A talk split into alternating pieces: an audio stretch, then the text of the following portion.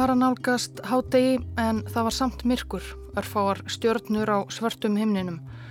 Um 30 menn stóðu í napp á grítri snæfiþakkinni jörðinni, einn helt á oljulampa sem veitti einhverja byrtu.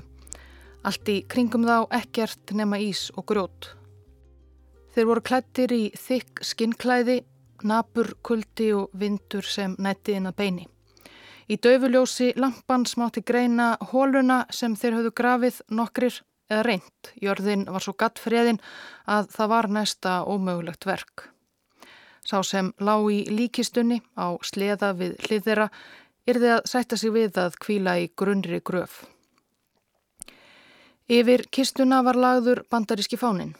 Fjórum mánuðum áður höfðu mennirnir lagt af stað frá bandaríkunum í leiðangur sem átti að færa þeim og landi þeirra veksemt og virðingu. Nú var úti um það og ekki útilokað að meðal mannana sem voru fastir á hjara veraldar leindist morðingi.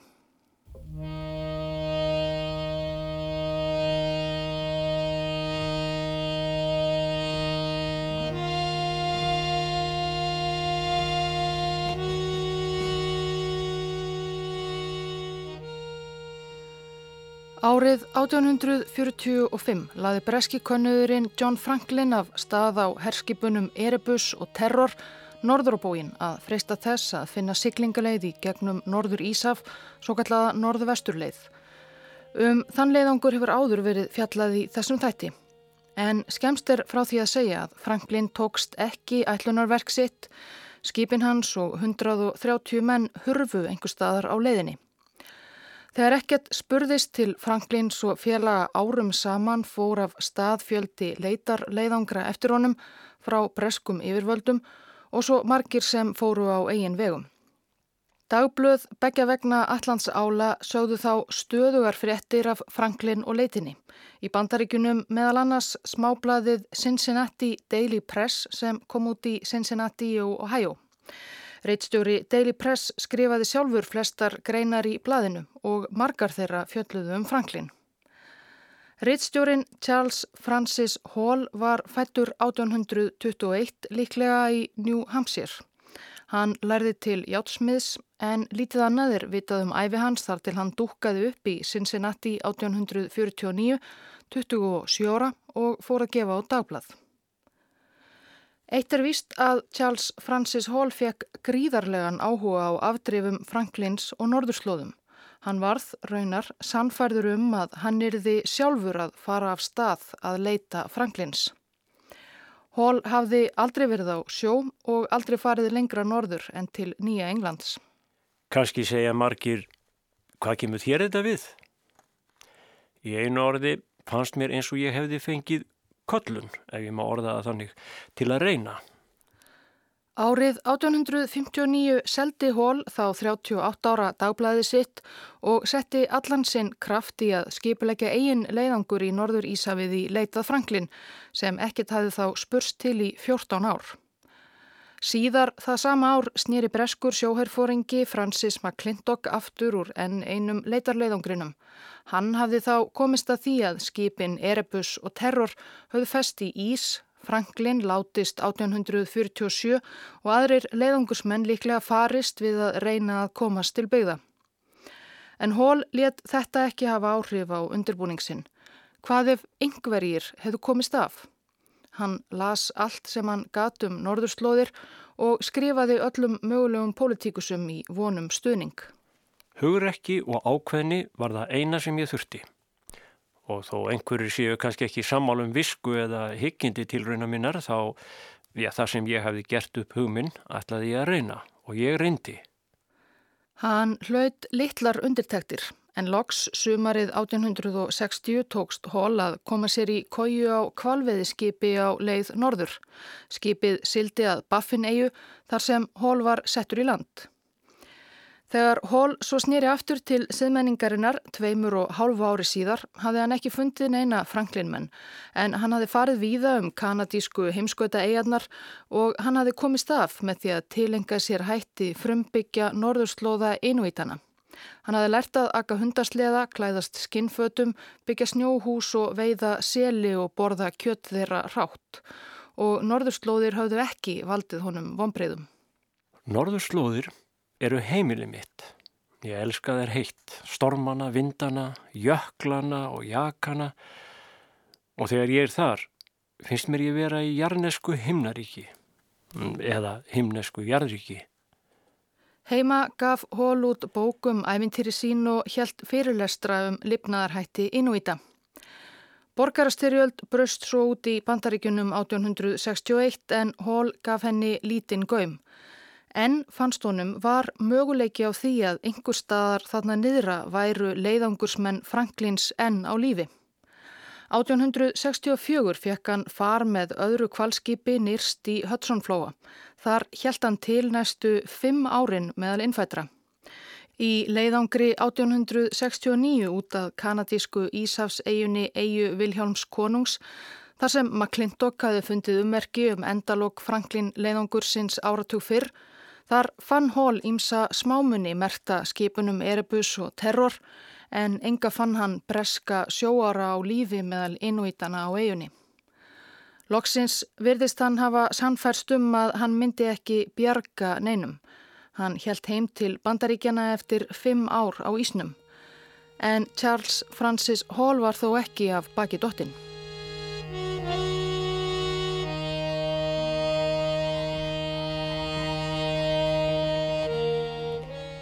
Þegar heim var komið var borgarstyrjöldinni lokið. Norð-vesturleiðin var og lungu fundin. En eitt var eftir, sjálfur Norðurpólinn. Charles Francis Hall ákvað að hann skildi fyrstur manna komast þangað og reysa þar fána bandaríkjana.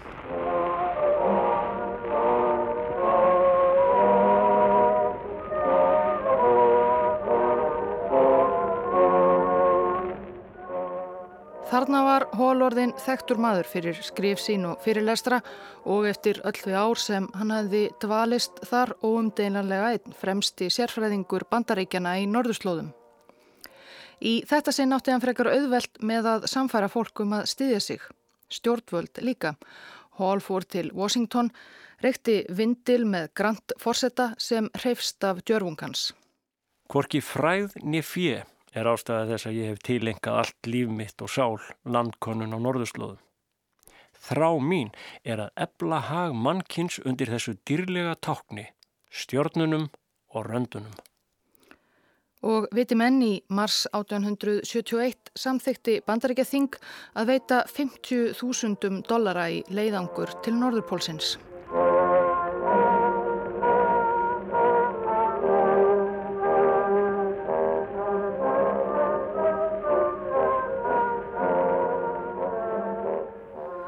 Í fyrri leiðungrum sínum hafi Hall verið einnáferð en nú var hann tillaður kaftinn þó aldrei hefði hann stýrt skipi og átti að fara fyrir fjölda manna. Hann fekk til umráða gamalt herskip Periwinkle, hörpulöf 387 tonna gufuknúið dráttarskip.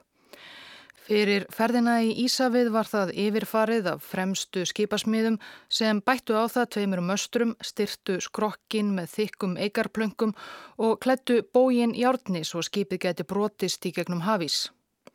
Hól ákvaðað endurnefna Periwinkle, gæti ekki hugsað sér að sigla á skipi sem hétt einhverju blómanafni, kallaði það heldur eftir pólstjórnunni, Polaris. Mörgum sjórum þykir það vita á ílt að endurnefna skip. Hall hefur ekki vitað af því landkrabbin sem hann var.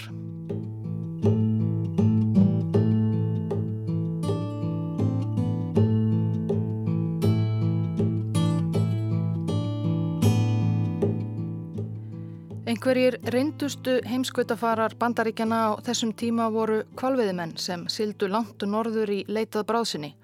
Hall var titlaður kafteitn á Polaris en hann kunniðu vitað ekki að stýra skipi. Sem stýrimann fekk Hall Sidney Boddington, gamal reyndan skipstjóra sem hafi verið yfir kvalveðiskipinu sem flutti hann í sinn fyrsta leiðangur. Þá hafi Hall nýgræðingurinn dáðust að hefni Boddingtons. Annar stýrimaður George Tyson var einnig með áratuga reynslu sem skipstjóri á kvalveðiskipum. En það var ekki allt. Bandaríkja Þing vildi ekki bara að hól kæmist á pólinn, heldur fól það leiðangursmönnum að sinna rannsóknum á leiðinni, á veðráttu, sjávarströymum, dýralífi og slíku. og til þess þurfti vísindamenn. Rannsóknar kröfunar voru raunar svo ítarlegar að Hall blöskraði. Markmið hans var að komast á pólinn, það mátti ekki gleymast. En af ástæðum sem enn í dag eru ekki alveg ljósar leituðu ráðgjafar bandaríkjastjórnar nú út fyrir landsteinana. Sem yfir vísindamaður Polaris leiðungur sinns var skipaður 24 ára þýskur læknir og dýrafræðingur með gráður frá háskólunum í Heidelberg, Stuttgart og Jena, Emil Bessels. Hann var þá nýkomin úr vísindaleiðungri til Svalbardha. Og fleiri þjóðverjar bættu svo í hópin. Veðurfræðingurinn Mæger var prússi sem hafi gengið í bandaríska herin. Vélstjórin Sjúmann var líka þýskur og talaði líkt og Bessels litla ensku. Sjö af tíu óbreyttum sjóliðum voru þýskir. Svo var einn sví, einn dani og aðeins einn bandaríkjamaður.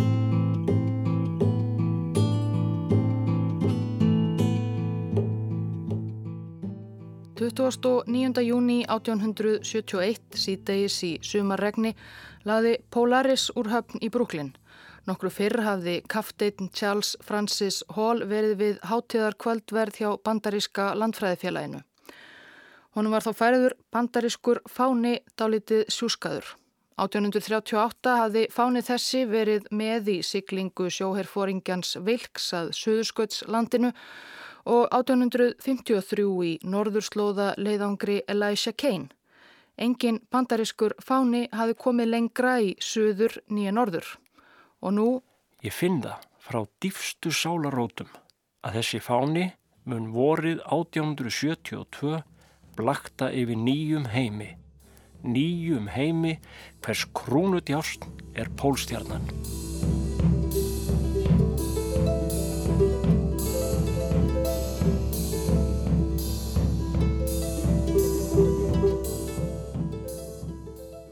Leið Polaris lág í Labradorhaf upp Baffinsflóa og svo áfram norður Kennedy sund millir hinnar kanadísku Ellesmere eigu og norður Grænlands. Sund sem landi Halls Kane hafði uppgötvað næri 20 árum áður. Hall bjóst ekki við að komast mikið lengra en 80 gráður norður fyrsta sömarið. Hann og menn hans myndu hafa vetursetu einhver staðar í Ísnum Þegar komið er svo langt norður er einungi sagt að sigla yfir sumarið og halda svo áfram. Eins langt og hægt væri að komast á skipi og síðan myndi hól halda áfram á hundasleða. Þegar ég kem þangað sem kallað er Norðurpóllin verður pólstjarnan beint fyrir ofan mig. Þetta verður auðveldasti staður heims að finna. Þarna verða áhugaverð fyrirbríð að sjá, síðan land og ég er vissum að ég finn land. Samkvæmt því sem ég hef heyrt frá Eskimóum er ég vissum að ég finn fólk þarna einnig.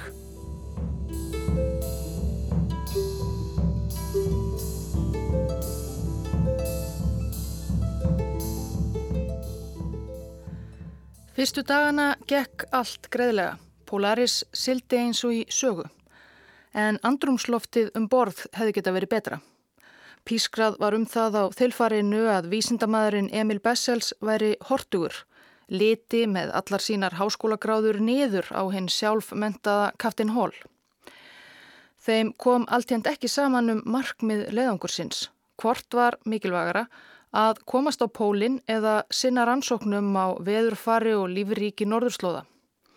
Og Bessels virtist líta svo á að sem yfir vísindamæður næði valdsvið Halls ekki yfir sig. Hinn vísindamæðurinn um borð, Prúsin Mæger, tók afstöðu með Bessels sem og fleiri af hinnum þýsku sjóliðum. Hall var óreindur stjórnandi, átti greinilega erfitt með að halda aga um borð. George Tyson, annar stýrimæður, var vanur að vera sjálfur skipstjóri og hafa meira að gera í slikum siglingum. Hann satt því mikið og skrifaði bara í dagbúkina sína. Ég tek eftir að það er ekki fullkominn samhljómur með hól kafteini og vísindamönnunum og nokkrum öðrum. Ég óttast að það muni ekki ganga vel. Þetta kemur mér ekki við en ég vorkinni hól. Hann skammast sín. Ósætti kom einnig fljótlega upp milli Halls og stýrimannsins Buddingtons sem einnig leiti niður á kafteinin. Hann var jú engin alvöru sjóari. 19. júli. Fórum frá Nýfundnalandi. Um kvöldið var falleg norðurljósa síning, hófst tíu og helt áfram fram yfir ellefu. Stýrimæðurinn talaði um að segja upp og fara heim, en deilan var leist. Svo verðist sem stýrimæðurinn hafi verið drikkveldur og stunda það að laumast í búrið og stela þaðan bæði vistum og veigum. Síðar fullirtu skipverjar að Böttington hefði meir og minna verið drukkin við störf. Hólkafteinn saði mér að hann ætlaði ekki að vera með neitt áfengi um borð en doktor Bessels pantaði eitthvað í lækningaskinni og þeir þyrstu hafa fundið út hvar það er gemt. Tyson var spendur fyrir ferðalæginu en strax þarna var hann farin að hafa áhyggjur af ástandinu um borð og velti fyrir sér hvort hann ætti að segja skilið við leðangurinn. 10. ágúst lá Polaris í höfn á diskoegu. Þangað kom bandarist byrðaskip með kól og skipstjóri þess og prestur reyndu þá að miðla málum um borð. Davenport Kafteitn og Sera Newman hafa átt fullt í fangi við að reyna að leysa úr deilunum millir Hóls og þeirra ósáttu. Sumir í áhöfninni veriðast samtætla að vera á móti öllu og ef Hól vill eitthvað gert þá gera þeir það bara ekki. Það eru komnar tvær fylkingar um borð ef ekki þrjár. Útlendingarnir halda saman og tala opinskátt um að Hall fái engan sóma af þessum leiðangri. Sumir hafa þegar ákveðið hversu langt þeir ætla. Undarleir landkönniðir það. Meðum borði Polaris voru tveir gamlir vinir Halls kaftens Inuita hjón sem héttu í raun Ípirvík og Takulittuk en kvítumennir kölluðu Joe og Hönnu. Þau voru fætt og uppalinn á Baffin-eigu og höfðu ung komist í kynni við kvíta landkönniði sem reyttu sig á þau sem leiðsögumenn og tólka og höfðu líka farið með þau til Evrópu og Bandaríkjana sem eins konar síningargrepi. Eitt sinn í Lundunum höfðu þau snætt kvöldverð með Viktorju drotningu. Í Polaris leiðangrinum átti Ípirvík eða Joe að veiða og aka hundasleða og Takulitúk hanna að sauma skinnfött á leiðangursmenn. Ólíkt mörgum kvítum konnuðum sem remdust við að veri vestrænum ullarfötum vildi hól klæðast að skinsamari síð innfætra. Skinn feldi sleða og hunda kefti hól í grænlenskum þorpum þar sem Polaris namn staðar á leðsinni norður. Þar slóðus líka fleiri með í förr Grænlendingurinn Hans Henrik eða Súersag sem var þá einn nafntógaðasti sleðaökumadur landsins og hafi farið með nokkrum leiðungrum lengra norður. Hans Henrik tók eiginkonu sína og þrjú börnum borði Polaris, dóttir Ípirvíks og Takulitúk Panik var líka með.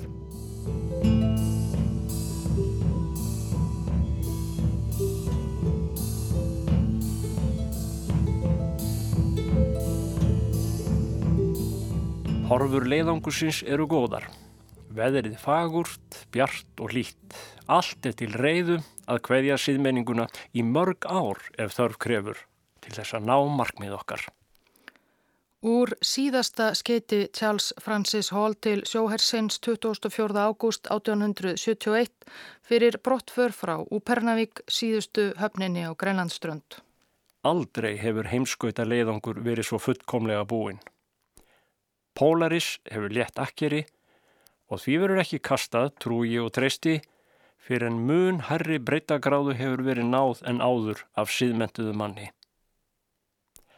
Polaris hveður hinn síðmentaða heim. Guð verið með okkur. Með 33 innan borðs sildi Polaris næstu daga í gegnum Hafís fram hjá núfubökum og rostungum úti fyrir stórskorinni vesturströnd Grænlands. 27. ágúst var Polaris komið að Alexanderhöfða, norð-vestasta 8 Grænlands, 78 gráður norður. Það var bjart allan sólarhingin. Framundan var þröngt sundið milli Ellesmýr, Eyju og Grænlands, allræmt fyrir Ísmagn, Bæði og Ílviðri. Margir forverar Hóls höfðu ekki lagt á sundið, kastað akkeri og reyndað halda áfram ferðsinni á landi.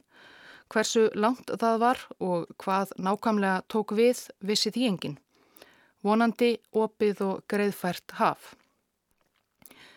En Böttington stýrimanni hugnaðist ekki tilhugsunin um að stýra skipi sínu inn í óvissuna og hætta því og eigin lífi. Hann mæltist til þess að Polaris kastaði akkeri í vík rétt við Alexanderhauða og yrði þar yfir veturinn. Nú kom til orðaskags í K1 kaftins. Ég vona að við komumst miklu lengra. En það er einn að minnstakosti um borð sem finnst við vera komin allt of langt nú þegar. Burt með slíkar gungur, segi ég. Að lokum neittust Hall og Tyson þó til að láta staðarnumið. Þeir sildu Polaris áfram norður í nokkra daga en sundið tók engan enda. Ísin varð meiri og meiri og veðrið versnaði. 7. september kastaði Polaris akkeri við Grunnavík við strönd Grænlands á 80. og 1. gráðu norður þar sem stór ísjaki myndaði skjólundan köldum vindinum. Hér skildu þeir býða af sér veturinn. Hall flaggaði bandaríska fánanum og nefndi staðinn Thank God Harbor, Guðis í lof höfn.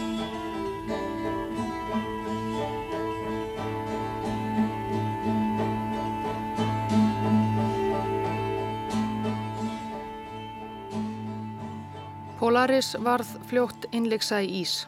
Nú var bara að býða. Inúítarnir veittu seli og söðnaut.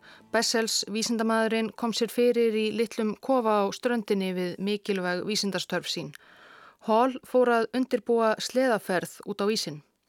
Hann vildi kanna umhverfið í kring og hann þráði að komast lengra norður en 80. og aðra gráðu 40. og 50. mínútu. Þángað hafði brettin William Parry komist á sleðabáti frá Svalbardha 1827 og engin Evrópumadur komist lengra norður fyrr eða síðar. Fyrir brottför rætti Hall við Tyson. Tyson var hugrakkur og Hall vildi gertnan hafa hann með í ferðinni. En, saði Hall og benti svo lítið bara á að stýrimanninum Buttington, hann tristi bara ekki þessum manni einum við stjórnvölin á Polaris á meðan. Tyson skildi hvað hann átti við.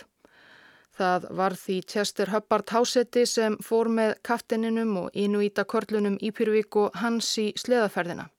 Eftir viku undirbúning lögðu þeir af stað 10. oktober á tveimur drekk hlöðnum hundasleðum út í óvisuna.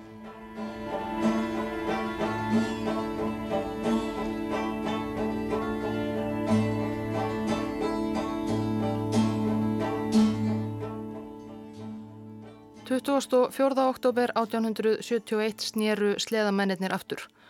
Færðin hafi verið erfið, Hall hafi ekki komist nærri því eins langt og hann vonaði sér, hann hafi til að mynda ekki komist lengra norður en Parri.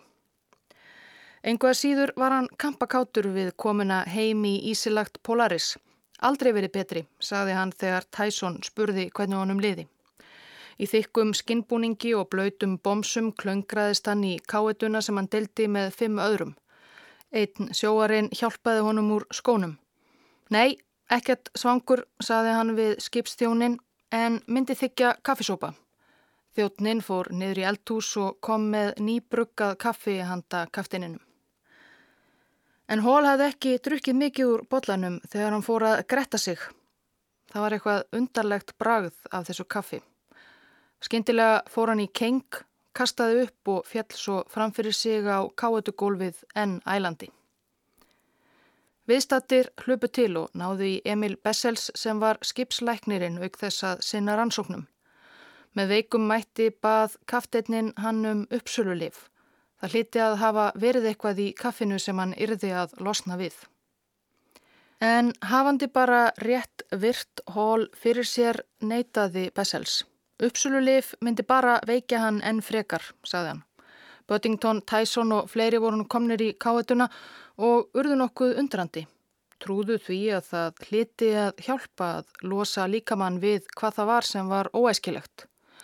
En lækninum var ekki kvikað. Hól nýbræði sig saman í kóju sinni.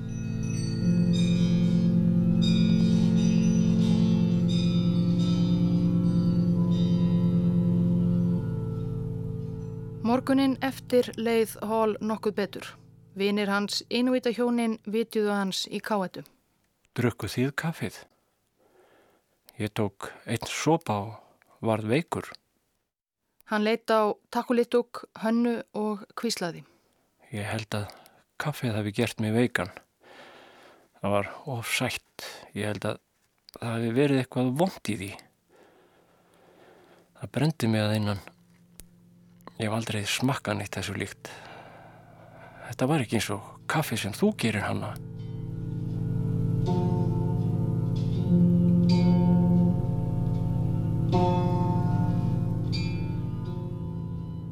Allan daginn stumraði Bessels yfir sjúklingnum, laði á hann kalda bakstra og gaf honum laxirolju.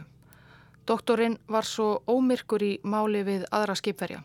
Hann taldi að Hall hefði fengið heila blóðfall og hann myndi varla hafa það af. Heilsa kafteinsins rokkaði næstu daga. Honum skánaði, varð bara aftur en fór svo aftur að æla. Samkvæmt mælingum Bessels fór líkamshittin upp og niður. Skipverjar sem sátu yfir leittóanum sá læknin gefa honum eitthvað kvitt duft sem hann blandaði í vatni. Kínín við hittanum, saði hann. Hólkafteinn er sannarlega með óráði. Ég veit ekki hvað ég á að halda um það sem hann segir. Hann kallaði eftir mér eins og hann hefði eitthvað sérstatt að segja en ég endur tek ekki það sem hann sagði. Og ekkert gekk. 3. november. Hólkafteinn er aftur mjög slæmur. Hann talar förðulega, virðist halda að einhver hafi byrlað honum eitur. Þegar ég var hjá honum, sagði hann um að vilja eitra fyrir honum. Þarna hefur útgáfan á dagbók Tysons verið rítskoðuð Því ekkert nafn er reytað, en það var sumsi Emil Bessels læknirinn sem kaftetnin sakaði um að hafa byrlað sér eitur.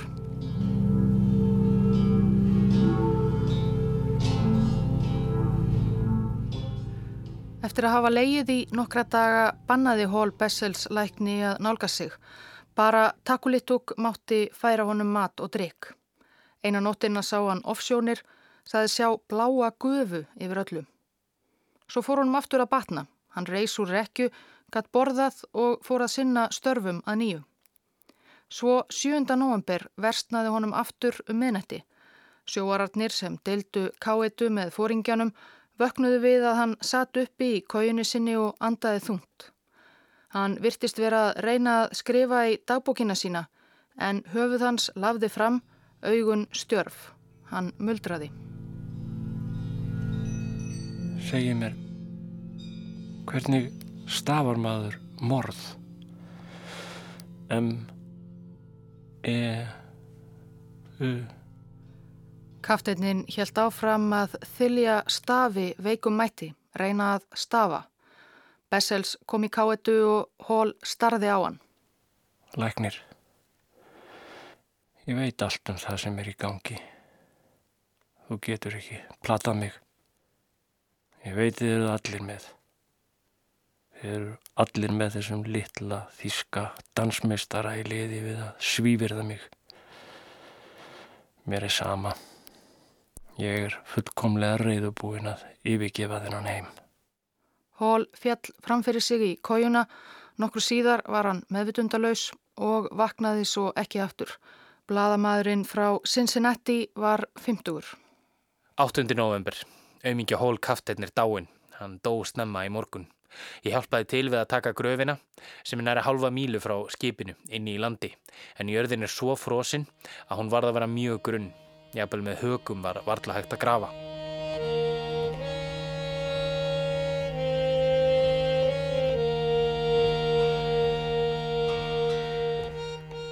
Það var fáninn frá bandaríska landfræðifélaginu sem var láður yfir Kirstu Hóls við nöturlega útförina á Ísnum 11. november 1871. Fáninn sem Hól hafði átt að flagga Sigri Rósandi yfir Norðurpólnum en hann komst aldrei lengra en þetta. Eftir dauða Hóls fór ástandinu um borði Polaris fljótt hrakandi. Böttington stýrimaður var nú æðsti maður leðangursins en hann virtist aðalega hugsa um að súpa og spýra frá skipslækninum og aðrir skipverjar fóru að hans dæmi. Vikulegar guðsjónustur sem hinn guðrætti Kafteinn Hall hafði lagt áherslu á fjallu strax niður, önnur röð og regla líka. Það var svo gott sem stöðut myrkur. Dagbúkarskrif Tysons urðu óregluleg, þetta skrifaði hann í lok desember. Það er engin regla, mennitin með að gera það sem þeim sínist því gera þeir oft næturnar óbærilegar með svalli og spilamönsku öllum stundum. Ekkert gerist sem er skemmtilegt eða skinsamlegt að skrifa niður. Ég vildi að ég geti þurkað úr minni mínum, sumt það sem ég sé hér og heyri. Hól Kaftin síndi ekki alltaf mestu domgrendina en það var himnaríki í samanbyrðu við þetta. Hef ekki sofið heila nótt frá 11. november. Eftir áramótin 1872 skrifaði Tyson svo ítrekkað um að einhverjir hátt settir skipverjar hefðu viðrað við hann hugmynd. Hugmynd sem honum þótti svo neykslanleg að hann skrifaði hana aldrei beint út. Þeir sem síðar hafa stútir að þessa sögu hafa leittað því líkum að einhverjir skipverjar hafi viljað snúa heim þegar fyrsta færi gæfist án þess að gera tilraun til þess að fylgja áætlun hálsum að komast á Norðurpólinn eða jafnvel að ljúa því að þeir hefðu komist alla leið á pólinn. Ljóst var allavega að hæst ráðandi Buddington hafði lítinn áhuga á Norðurpólnum.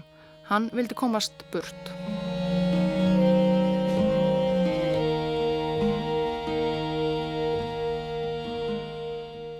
Í júnibyrjun 1872, þegar orðið var bjart og ísin allt í kringum Polaris var farin að losna, fóru þó nokkrir menn, Tyson þar á meðal, á tveimur árabótum út á hafið í vonum að komast lengra norður. En þeir voru ekki búinir að ferðast langt þegar Buddington stýrimaður ákvaðað nú væri tækifærið komið til að koma Polaris aftur söður, sendi einn innvítana á eftir þeim til að tilkynna þeim að þeir yrðu að snúa heim í skipið hins snarasta. Ó þau tækifæri sem hafa tapast. Við snúum aftur bara til þess að tilkynna nokkrar landfræðilegar uppgötanir. Með þólumæði hefðu við kannski komist. Hverju veit hvað mikið lengra. Engur daginn mun einhver komast á pólinn og ekki auðvendagi þá sem neituðu Polaris um það tækifæri.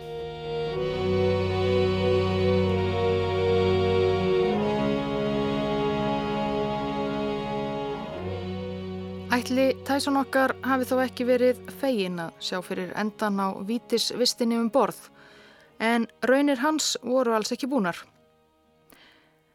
Um miðan oktober mjakaðist Polaris í gegnum ísin við norðvesturströnd Grænlands. Ílviðra samt kvöldeitt festist það í ís og skipverjar óttuðust að það geti skemst, svo ákveðið var að ferja vistir yfir á næsta ísjaka til öryggis. En þá um nóttina fór ísjakan sem ástóð stór hluti skipverja Allir átta innvítanir og tíu kvítir menn, þar á meðal Tyson, að reka frá skipinu. Þegar strandaglópanir uppgötuðu það var það of seint. Polaris var löst úr íspöndum og komið of langt í burtu. Þeim tókst ekki að ná aðtikli félaga sinna um borð og þá rak sífælt lengra.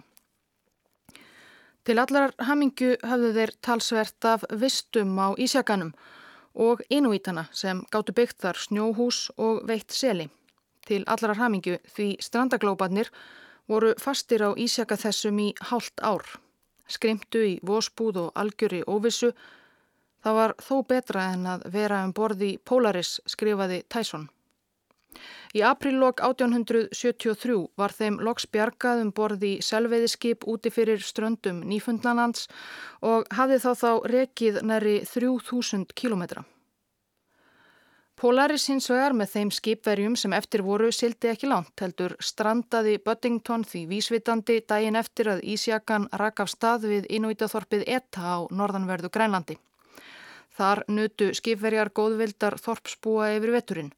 Þegar sumarið kom smíðuðu þeir báta úr timbrinu úr Polaris og sildu suður og í júli var þeim og bjargaðum borði skost kvalveðiskip. Sögu Polaris var þó enn ekki lokið.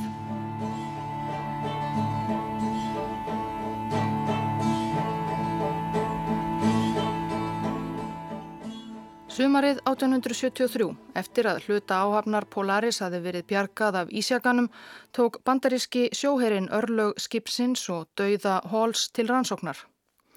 Einn af öðrum lístu skipverjar fyrir rannsóknar nefnd því sem hér hefur verið tíundað ömurlegu andrumslofti um borði í skipinu, deilum, agaleysi og flokkadráttum.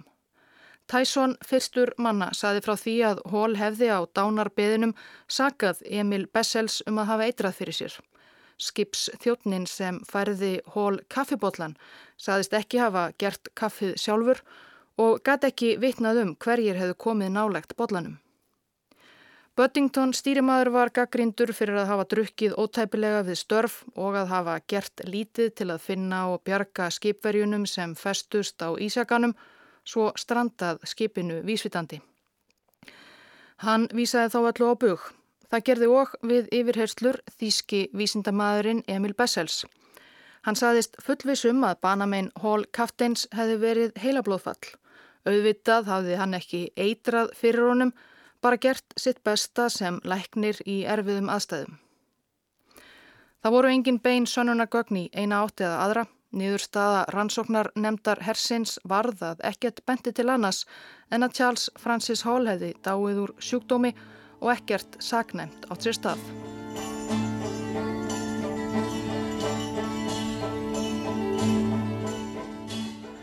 Guðisilof höfn á Grænlandi, þar sem Polaris hafði vetursetu, er fáfarinn staður.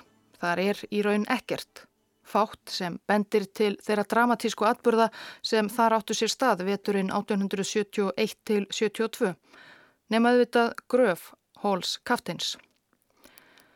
1968 var kanadísku rittöfundur John C. Loomis að rita æfisögu Halls Weird and Tragic Shores og eins og margir velti hann vöngum.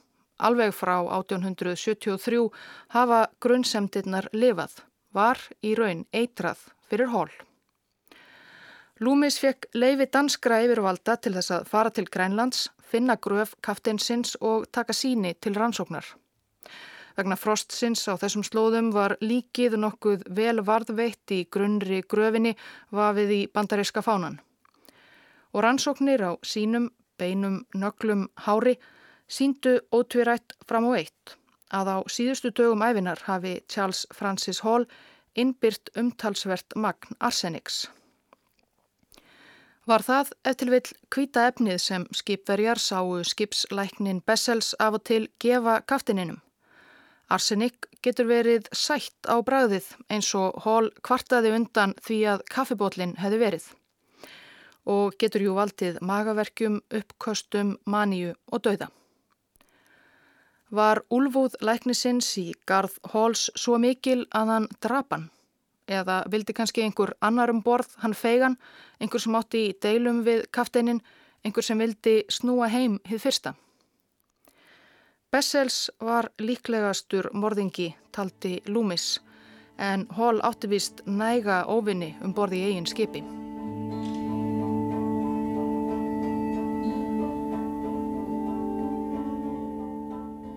...2016 komu út í fyrsta sinn á ennsku endurminningar Emil Bessels úr Polaris leiðangrinum í þýðingu skorska sakfræðingsins William Sparr.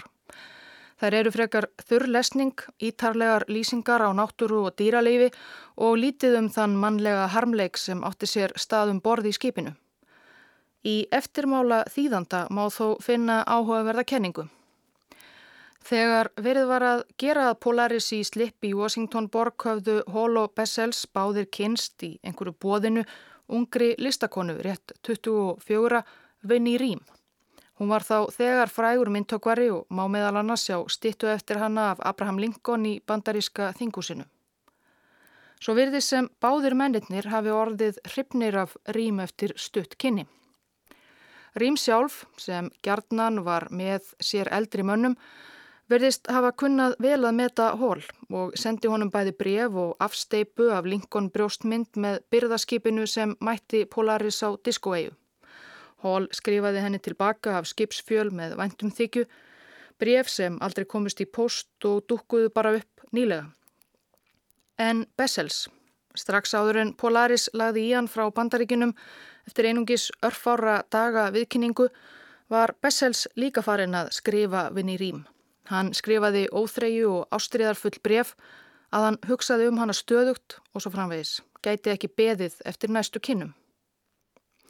Hvort þau vinni Rím og Bessels áttu einhver samskipti eftir að Bessels kom aftur til byggða er óvist. En gatt verið að kannski hafi samkeppni um hana, ást og afbríðisemi átt einhvern þátt í dauða hóls.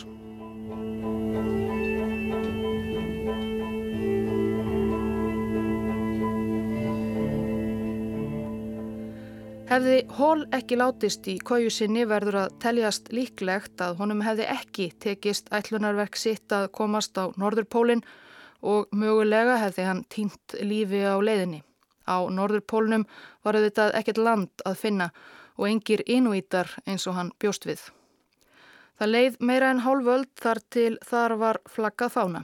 Já, flaggað. Norðmaðurinn Róald Amundsen flög yfir Pólinn 12. mæ 1926 og let þá fána detta niður á Ísbreiðuna.